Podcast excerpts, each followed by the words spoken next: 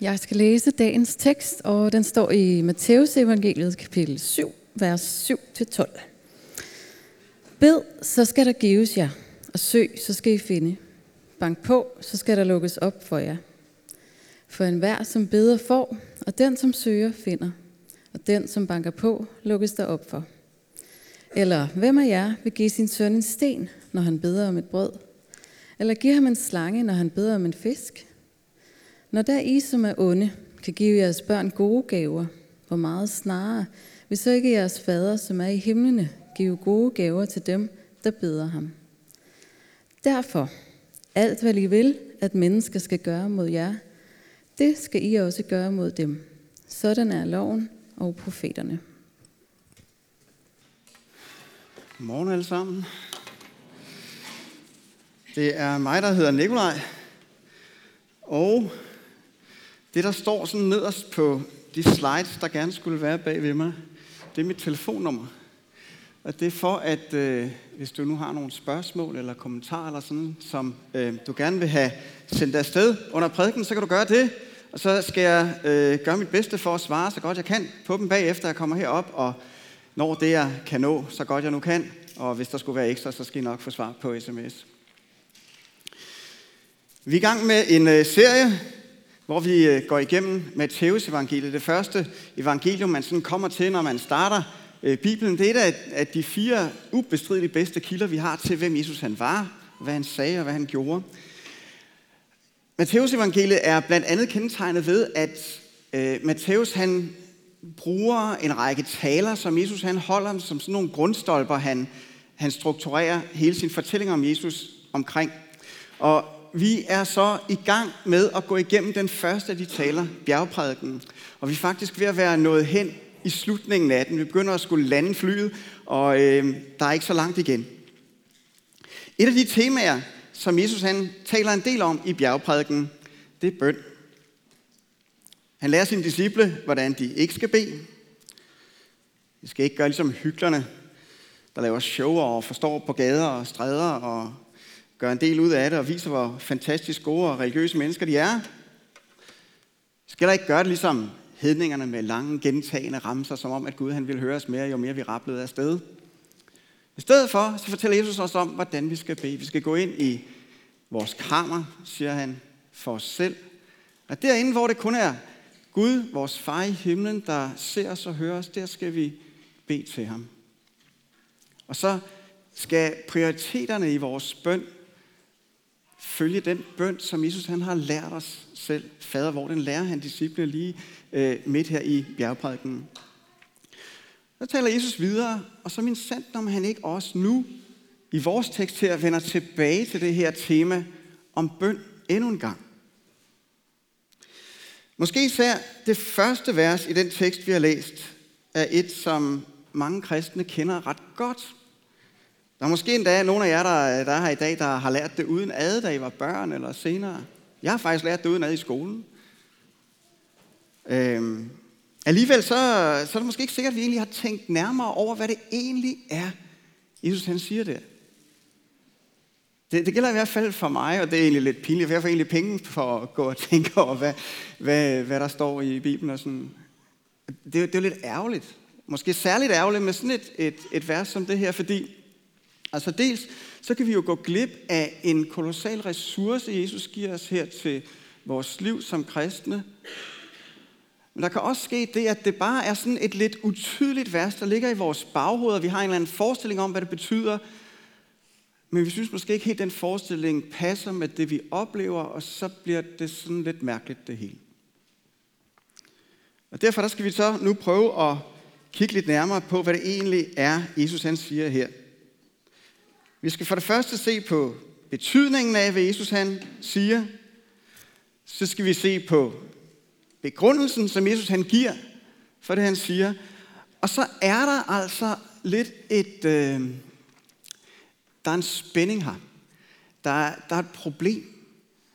Ikke mindst i forhold til, hvad Jesus han siger her, eller det forhold, som det står i til noget, der står andre steder i Bibelen. Hvordan kan vi vide, hvordan, hvordan kan det være sandt, det Jesus siger her, når der står, som der gør andre steder? Det skal vi kigge på til sidst. Men altså allerførst, så skal vi se på betydningen af, hvad Jesus han siger her. B, så skal der gives jer. Søg, så skal I finde. Bank på, så skal der lukkes op for jer. Allerførst, Jesus han siger, at vi som er hans disciple, vi som er Guds børn, vi der tror på Jesus og derfor har fået Gud ikke som vores fjende, men som vores far i himlen, vi beder aldrig forgæves til ham. Vores far i himlen svarer altid. Jeg er selv typen, der, øh, der sådan kan falde i tanker, eller i hvert fald i staver. Og øh, så kan der ske det, at, øh, at folk taler til mig. Det kan ligefrem være mine børn. Og så kommer der simpelthen ikke noget svar. Fordi jeg, jeg er væk i dybe tanker. Eller bare i øh, bevidsthedsmæssigt nirvana. Vores far i himlen, han er meget, meget anderledes, siger Jesus. Han ser os. Han lytter altid. Og han svarer altid. Det, at vores far i himlen, han hører og svarer på vores bøn, det er nok det mest gennemgående tema, eller den mest gennemgående pointe, Jesus han giver, når han underviser om bøn i det hele taget. Så det er vigtigt. Han mener det virkelig alvorligt. Og det er det første, der skal brænde sig ind i vores bevidsthed. Når du beder til din far i himlen, så hører han, og han svarer. Det rammer ikke loftet. Det når hans øre, hans hjerte. Guds børn beder aldrig forgæves. Og det gælder alle hans børn. En hver, som beder, han får. Så Jesus han opfordrer sig altså til at, bede, til at søge, til at banke. Selve rytmen i den måde, Jesus siger det her på, også lidt hans, hans ordvalg i det hele taget, det øh, udtrykker, at han opfordrer os til at blive ved. Bliv ved med at bede. Ligesom du bliver ved med at lede efter de der briller, du ved, du har lagt sådan lige her i nærheden, et eller andet sted. Du gør det med fokus, og du bliver ved, indtil de dukker op. Eller du giver op og spørger konen, hvor de er henne. Ikke? Bliv ved, siger Jesus. Du må ikke stoppe. Bliv ved med, billigt talt, at banke på døren til Gud. Betyder det, at Jesus siger så, at øh, vores forhold til vores far i himlen, det er lidt ligesom Aladdins til lampens ånd? Bare hvor der ikke er nogen begrænsninger på antallet af ønsker? Nej, det gør det ikke. Øhm, det betyder ikke, at øh, Jesus han lover dig, at når du beder om en kæreste, så dukker hun eller han op. Det betyder heller ikke, at når du beder om et drømmejob, eller måske bare et job, så får du det også. Jeg har et problem med den her.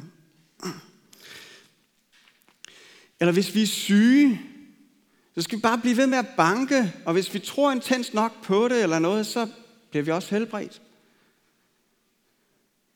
Der, der er nogen, der gerne vil sige, at det er det, Jesus han siger her, men det, det, det er det simpelthen ikke.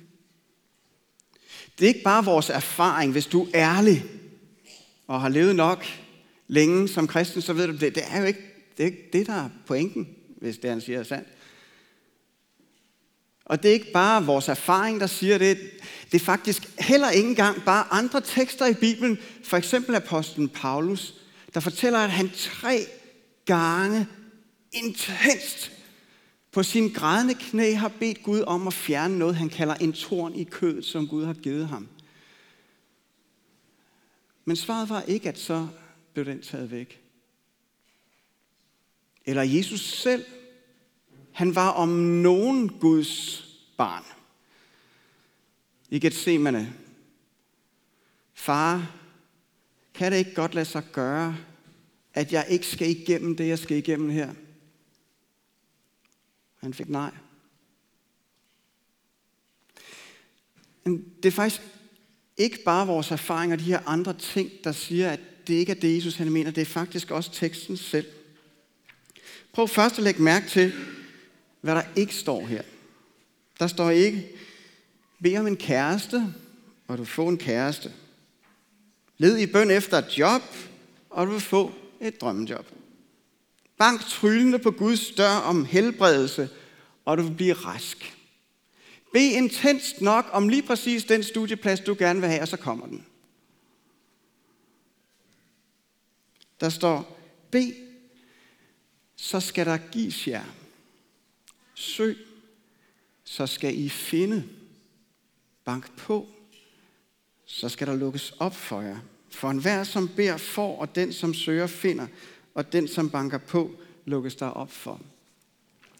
Jeg lod nogle af mine gode venner ude i Stenløs læse den her tekst, øh, og snakkede med dem, hvad de fik ud af den, og, og, og begge de to, der læste den, de fik tanken, jeg ved jo godt, at det her det ikke betyder, at så får jeg lige præcis, hvad jeg beder om altid. Jesus han siger ikke, så de, at jeg får præcis, hvad jeg beder om. Men han lover, at min far i himlen, han giver gode gaver som svar på min bøn. Gode gaver. For det andet, så er det altid også vigtigt at se sammenhængen, som Jesus han siger det her i. I bjergprædiken, som vi er i gang med at gennemgå nu, der har Jesus undervist os om, hvordan vi som tror på ham skal være, hvordan vi skal leve. Vi er fattige tiggere, der lever af Guds barmhjertighed, har han fortalt os. Vi skal leve ydmygt, i sorg over vores synd og i længsel efter retfærdighed. Vi skal være barmhjertige, rene af hjertet, stifte fred, tåle hån og forfølgelse. Vi skal endda glæde os over den. Vi er jordens salt og lys, og vi skal leve derefter. Vores retfærdighed skal langt overgå selv elitefejserernes. Alle vores relationer, og endda også vores tanker om den, de skal være fuldstændig rene. Vi skal være 100% sandfærdige og pålidelige. Vi skal ikke gengælde, men tilgive. Vend den anden kind til.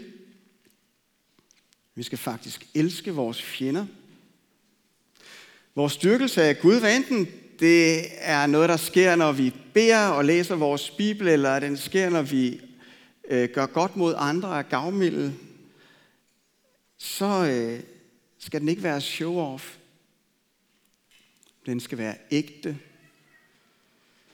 Og ofte skjult, bare set af Gud. Vi skal være helhjertet orienteret mod himlen og se åndeligt klart. Og altid prioritere Gud og hans rige og hans retfærdighed først, og ikke bekymre os om alt muligt andet. Og vi må heller ikke dømme andre. Vi skal kort sagt være fuldkommende, ligesom vores far i himlen er det. Det er den ene måde, Jesus sammenfatter det hele på. Den anden måde, han sammenfatter tingene på, det er den, som vi læser som afslutning på vores tekst i dag. Vi skal altid gøre det mod andre, som vi ønsker, at de skal gøre mod os. Altid. Syg lige på den. Se, hvis man læser de her ting, og tager dem alvorligt, ikke bare sådan abstrakt. Det her det, det er jo ikke sådan abstrakt og fluffy. Det handler om, hvordan jeg forholder mig til min bedste ven, min ægtefælle, mine børn, mine kollegaer, mine naboer, studiekammerater. Dem i kirken, der er lige lovligt meget anderledes. Det er det, det handler om. Hvis, hvis, hvis, man, hvis man læser de her ting, og tager dem alvorligt, så, så er den naturlige respons ikke, fint, tjekke, det klarer jeg. Hvad skal jeg så lave om eftermiddagen? Den, den, den naturlige respons, hvis man læser det her, det er, far i himlen, forbarm dig over mig. Tilgiv mig for Jesus skyld, at jeg lever så dårligt op til det her og ligner dig så lidt. Hjælp mig. Rens mit hjerte. Giv mig et nyt. Fyld mig med din kærlighed, og lad den fylde mine tanker og styre mine fødder og hænder. Giv mig kraft og mod og evne til at leve mere, som du vil, som dine børn skal. Og den bøn, Jesus taler om her i vores tekst, det er jo sådan en bøn. Det er en bøn om barmhjertighed og om syndernes forladelse på grundlag af, hvad Jesus har gjort. Det er en bøn om at nå målet, Guds rige og hans retfærdighed.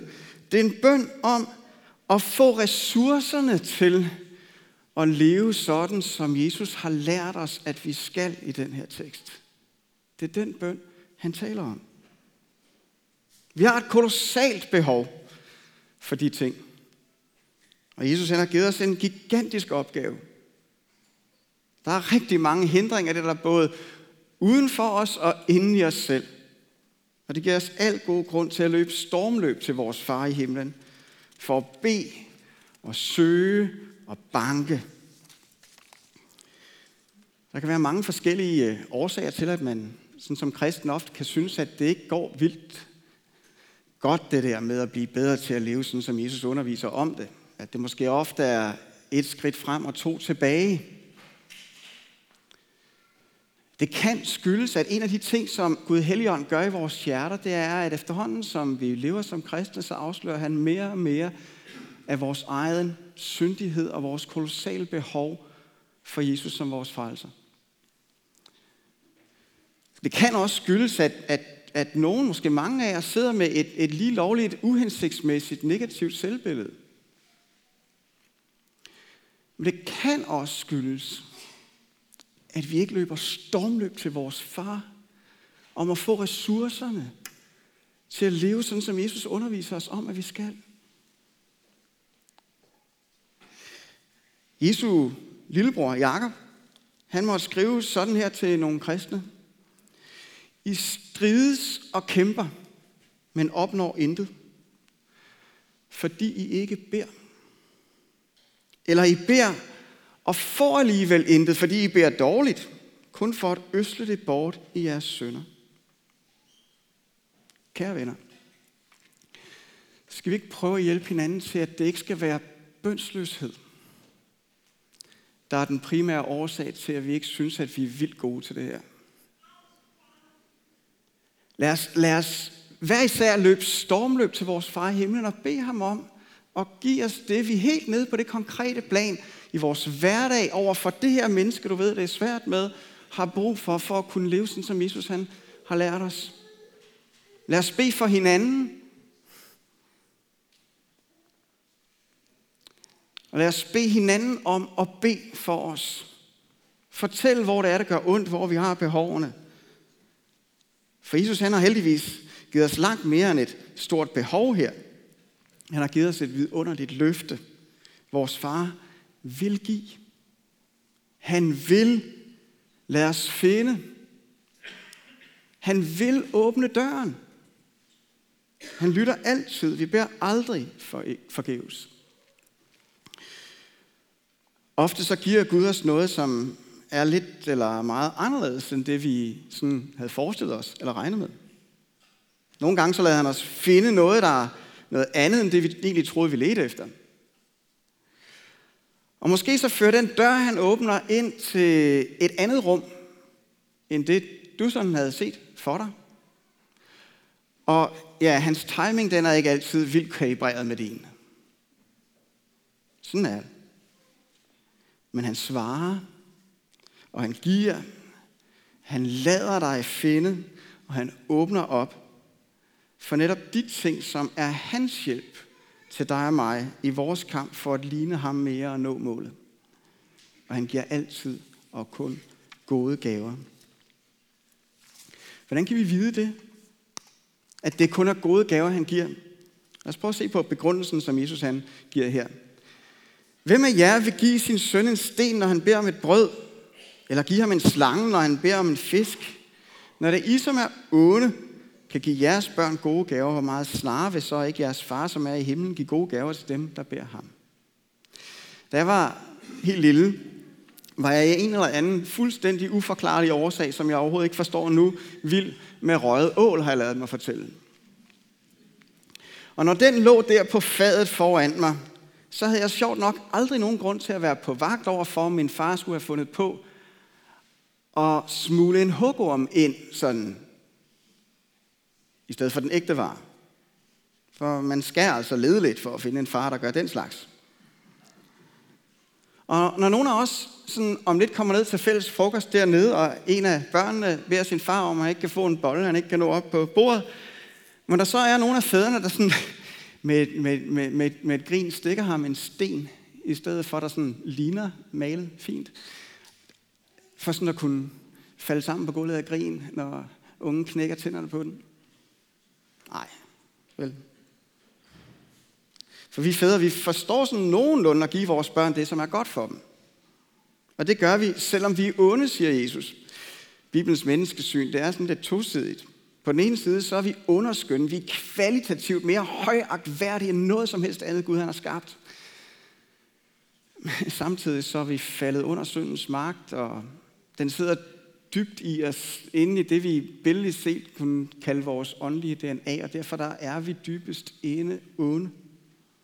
Men selvom vi er onde, siger Jesus, så kunne vi ikke finde på at give sten for brød eller slanger for fisk til vores børn.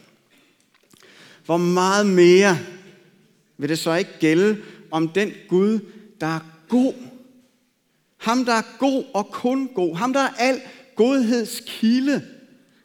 Ham, som lod sin søn blive et menneskebarn, for at kunne gøre os til Guds børn, til sine børn. Hvor meget mere vil det ikke gælde for ham, der er så god, at han vil give gode gaver til os, når vi beder ham. Han ser os, han lytter, og han svarer, og han giver kun gode gaver. Men der er måske noget mere i netop de eksempler, Jesus han giver her. Jeg har læst mig til, at nogle af de brød, man på Jesu tid bagte i Galilea, de kunne faktisk godt ligne sten. Og at der også var fisk, der blev hævet op af Genesarets sø der, der sådan kunne ved første øjekast ligne sådan en rødål der. Altså en slange. Og det får mig til at tænke, at måske så er det en del af Jesu pointe, det her. Nogle gange, når vi beder Gud om hjælp, så svarer han ved at give os noget, som ikke føles godt. Og vi kan faktisk opleve det, som om han har givet os en sten i stedet for det brød, som vi bad om. Min mor og far og jeg og mine søskende, vi øh, fik for 35 år siden snart en lille søster til. Vi havde øh, bedt om, at hun måtte være sund og rask. Det gør, tror jeg, alle forældre, der kender Jesus og venter et lille barn. Og så viste det sig, at min elskede søster Rebecca, hun havde Downs syndrom. Den sygdom, den føles ikke godt. Der var en periode, hvor den føltes som sten for brød. Men min mor, far og jeg med, vi har i lidt mindre end 35 år vidst med hver eneste fiber i vores krop og sjæl, at selvom min søsters sygdom gjorde ondt, og selvom den kostede smerte og sved og tårer, så var og er hun vores himmelske fars gode gave til os. En gave, der er givet ud af alvidende, brændende og målrettet kærlighed. Hun er en del af hans hjælp til os til at leve mere, sådan som Jesus han selv har lært os. Og til at nå målet. Hun var brød. Hun er det. Jeg ved ikke, hvad du måske har fået, som du nogle gange tror er en sten eller en slange. Men jeg ved, at Jesus han siger her, det er ikke en sten. Det er ikke en slange. Ikke engang en menneskefar, som har ondskaben i sit inderste, kunne finde på at gøre sådan noget. Og derfor så vil din far i himlen, ham der er definitionen på godhed, han vil aldrig give dig sten for brød. Når mine børn derhjemme, de øh, beder mig om at slippe for det, som vi har givet betegnelsen praktisk time derhjemme. Bare roligt, det er ikke en hel time, men det er meget praktisk. Så, øh, så siger jeg nogle gange ja, fordi jeg vurderer, at det faktisk er det bedste for dem lige nu at få lov til at lave noget andet. Og så tager jeg og Marias levet. Andre gange så siger jeg nej, fordi jeg vurderer, at det er bedre for dem at få lidt ryggradstræning den aften der. Nogle gange så beder de om en is, fordi de føler, at de kan simpelthen ikke klare sig to minutter længere, uden at der kommer noget sukker til hjernen og alt det andet. Og så går Maria ud og køber os fattige. Eller også så øh, siger vi nej, og så giver vi dem nogle lidt mere, skal vi kalde det, komplekse kulhydrater, fordi vi vurderer, at det er bedre hjælp til at nå et værdifuldt mål for dem. Nogle gange så er mit svar på deres bøn lidt træning i at udsætte deres behovstilfredsstillelse. Og jeg forsøger efter bedste evne at give dem det, som jeg vurderer er den bedste blanding af vind i ryggen og udfordring og modstand. Min vurdering den er fejlbarlig. Mildt sagt. Og nogle gange så er jeg bare ikke god, eller gavmild, eller vis nok. Og det er en af de utallige grunde til, at jeg er temmelig taknemmelig for min kone. Men når min far i himlen, han vurderer, hvad jeg egentlig trænger til, hvad der er godt for mig, når jeg sådan skal vokse i at leve, som Jesus har lært mig, og nå målet, så vurderer han aldrig forkert. Og han er uendelig gavmild, uendelig vis og uendelig god. Det er sket, at han i sin godhed har givet mig noget, der medført lidelse og smerte og, og gjort ondt, og som jeg overhovedet ikke kunne se meningen med. Men det var hans gode hånd, der gav det ud af alvidende, brændende og målrettet kærlighed til mig. Det føltes til tider som sten, men det var brød. Godt brød. Vores gode far i himlen, han lytter altid, han svarer, og han giver altid gode gaver i uendelig visdom og målrettet, brændende kærlighed. Det er begrundelsen. Og derfor der skal vi løbe stormløb for at få gode gaver af os, af ham. Men øh, så er der den her spænding. Hvordan kan det være sandt? Det er måske ikke lige os alle sammen, der sidder med det spørgsmål, men det, det er et meget relevant spørgsmål. Når Jesus han siger, bed, så skal der gives jer. Søg, så skal I finde. Bank på, så skal der lukkes op for jer. Så står det i en vis spænding til nogle andre udsagn i Bibelen. Man prøver at læse et af dem for jer, og jeg kunne godt nævne flere, men tiden løber. Profeten Esajas sagde sådan her til Israels folk. Herrens arm er ikke for kort til at frelse. Hans ører er ikke for døve til at høre. Nej, det er jeres synder, der skiller jer fra jeres Gud. Jeres overtrædelser skjuler hans ansigt, så han ikke kan høre jer. Her er det ret klart.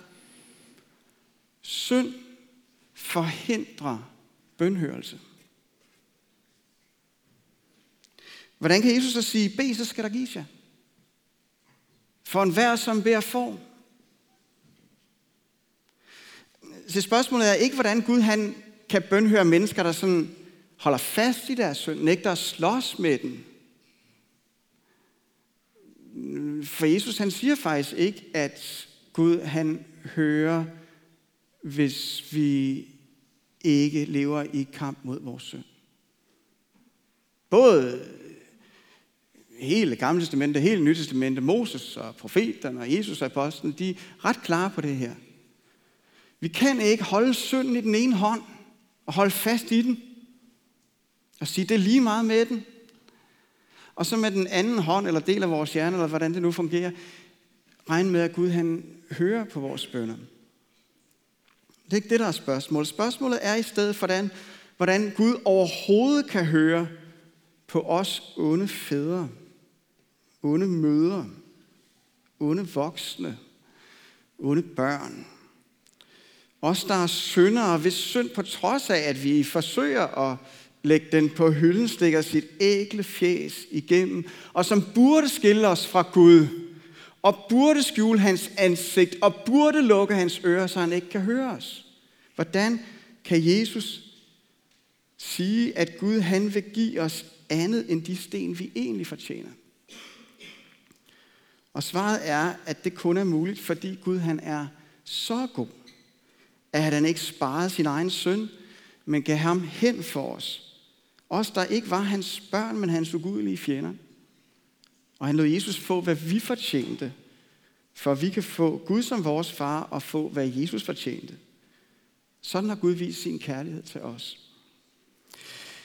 Gud han sendte sin egen søn ud i ørkenen en gang og lod ham lide sult. Og så lod han djævlen, den værste af alle slanger, sætte ham på prøve og friste ham ved at sige, at hvis han virkelig var Guds barn, måtte han så ikke kunne bede Gud om at lave de sten, han havde fået givet der i ørkenen om til brød.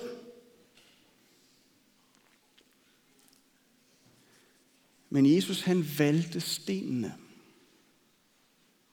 Han valgte stenene. I sidste ende så valgte han stenene, de sten vi egentlig fortjente som svar på vores bønder. For at vi kunne få de brød, som han havde al ret i verden til. Han valgte stenene i tillid til, at de også var hans fars middel til at føre sin gode plan med ham igennem. Og så lagde Gud Fader al vores synd, som skiller os fra ham og gør, at han ikke kan høre os. Den lagde han på Jesus i vores sted på korset. Og Jesus råbte, min Gud, min Gud, hvorfor har du forladt mig? Og der kom ikke noget svar. Gud var ikke at finde for ham. Døren var lukket. Men netop derfor, fordi Jesus har båret vores synd og taget straffen for den, blandt andet ved at møde en lukket dør i vores sted, derfor så kan vi nu få det her fantastiske løfte om, at vores far i himlen altid vil høre, altid vil give gode gaver, altid vil lade sig finde og altid vil åbne døre for os. Derfor, og kun derfor, så kan vi få lov til at høre de fantastiske løfter i Bibelen, som Jesus han kommer med kulminationen på her. Råb til mig på nødens dag, og jeg vil udfri dig, og du skal ære mig. En hver, der påkalder Herrens navn, skal frelses. Jeg ved, hvilke tanker jeg, planer jeg har lagt for jer, siger Herren. Planer om lykke, ikke om ulykke. Om at give jer en fremtid og et håb. Råber I til mig, og går I hen og beder til mig, vil jeg høre jer. Søger I mig, skal I finde mig. Når I søger mig hele jeres hjerte, er jeg at finde, siger Herren. Bed, så skal der gives jer. Søg, så skal I finde. Bank på, så skal der lukkes op. Vi kan stole på Guds godhed og på de her løfter om vores gavers sandhed. Fordi, som Paulus han skrev, han som ikke sparede sin egen søn, men gav ham hen for os alle, vil han ikke med ham skænke os alt. Alt. En sidste ting mere. Jeg ved godt, jeg lige strammer den, Martin. Selv da Gud gav Jesus stenene i ørkenen, og den værste af alle slanger spid i hælen på korset, da han hang der på verdens værste torturinstrument, så var alt det Guds middel til at føre sin gode plan med Jesus igennem. Og bringe ikke bare os, men også Jesus selv ultimativ glæde og mættelse. Det var Guds middel til i sidste ende højt at ophøje ham og give ham navnet over alle navne. Og derfor så må vi også spørge os selv. Når Jesus selv i det ultimative mørke havde grund til at stole på, at Gud, hans far, var god, skulle vi så ikke også have grund til at stole på hans godhed? Og på, at han vil lytte og svare og åbne og lade sig finde og give gode gaver, også hvis det han giver os, når vi beder ham ved første øjekast kan ligne sten for brød. Bed, så skal der gives jer. Søg, så skal I finde. Bank på, så skal der lukkes op for jer. Det er sandt. Det er evigt sandt. For Jesus han har betalt for det her. Derfor kunne han sige det. Derfor er det sandt. Lad os bede. Kære far i himlen, vi takker dig, fordi at vi får lov til at være dine børn. Ikke fordi vi overhovedet fortjener det, men fordi Jesus har fortjent det til os. Tak, Jesus, at du blev vores bror, for at vi kunne blive Guds børn. Tak, far, fordi at du altid lytter og svarer. Og far, du kender hver eneste behov i det her rum. Du kender de dybeste og enligste behov. Du kender sukkene. Du kender alt det, vi ikke forstår. Vi beder dig, giv os, hvad vi har brug for. Hjælp os til at være vedholdende i bøn. Til altid at bede og blive ved med det. For os selv og for hinanden. Og far, vi siger ligesom patriarken Jakob, vi slipper dig ikke, før du vil sige os. Og vi takker dig, fordi vi ved, at du hører. Amen.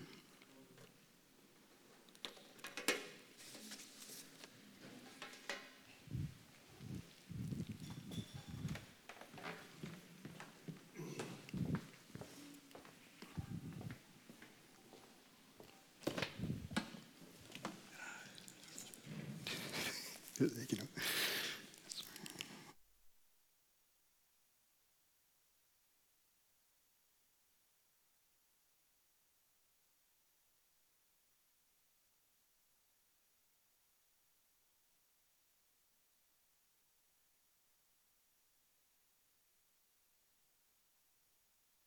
Der er, øh, der er kommet et enkelt spørgsmål. I kapitel 6, vers 33, der siger Jesus, søg først Guds rige og hans retfærdighed, så skal alt det andet gives jer i tilgift. Og spørgsmålet er, hmm, hvorfor brugte du ikke det vers? Det var fordi, jeg ventede på, at du skulle gøre det, ikke også? Rigtig god pointe.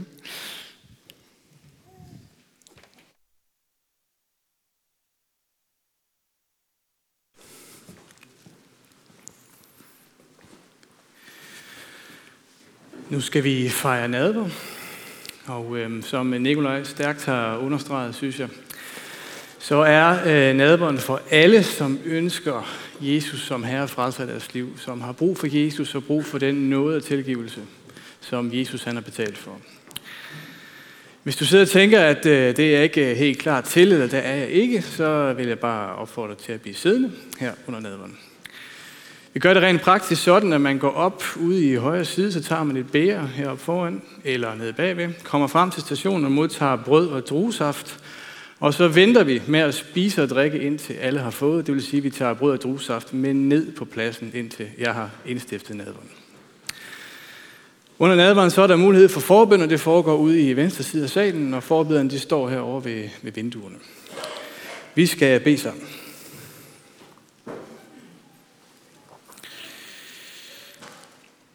Levende Herre, frelser Jesus Kristus. Du som selv er til stede blandt os med al din kærlighed.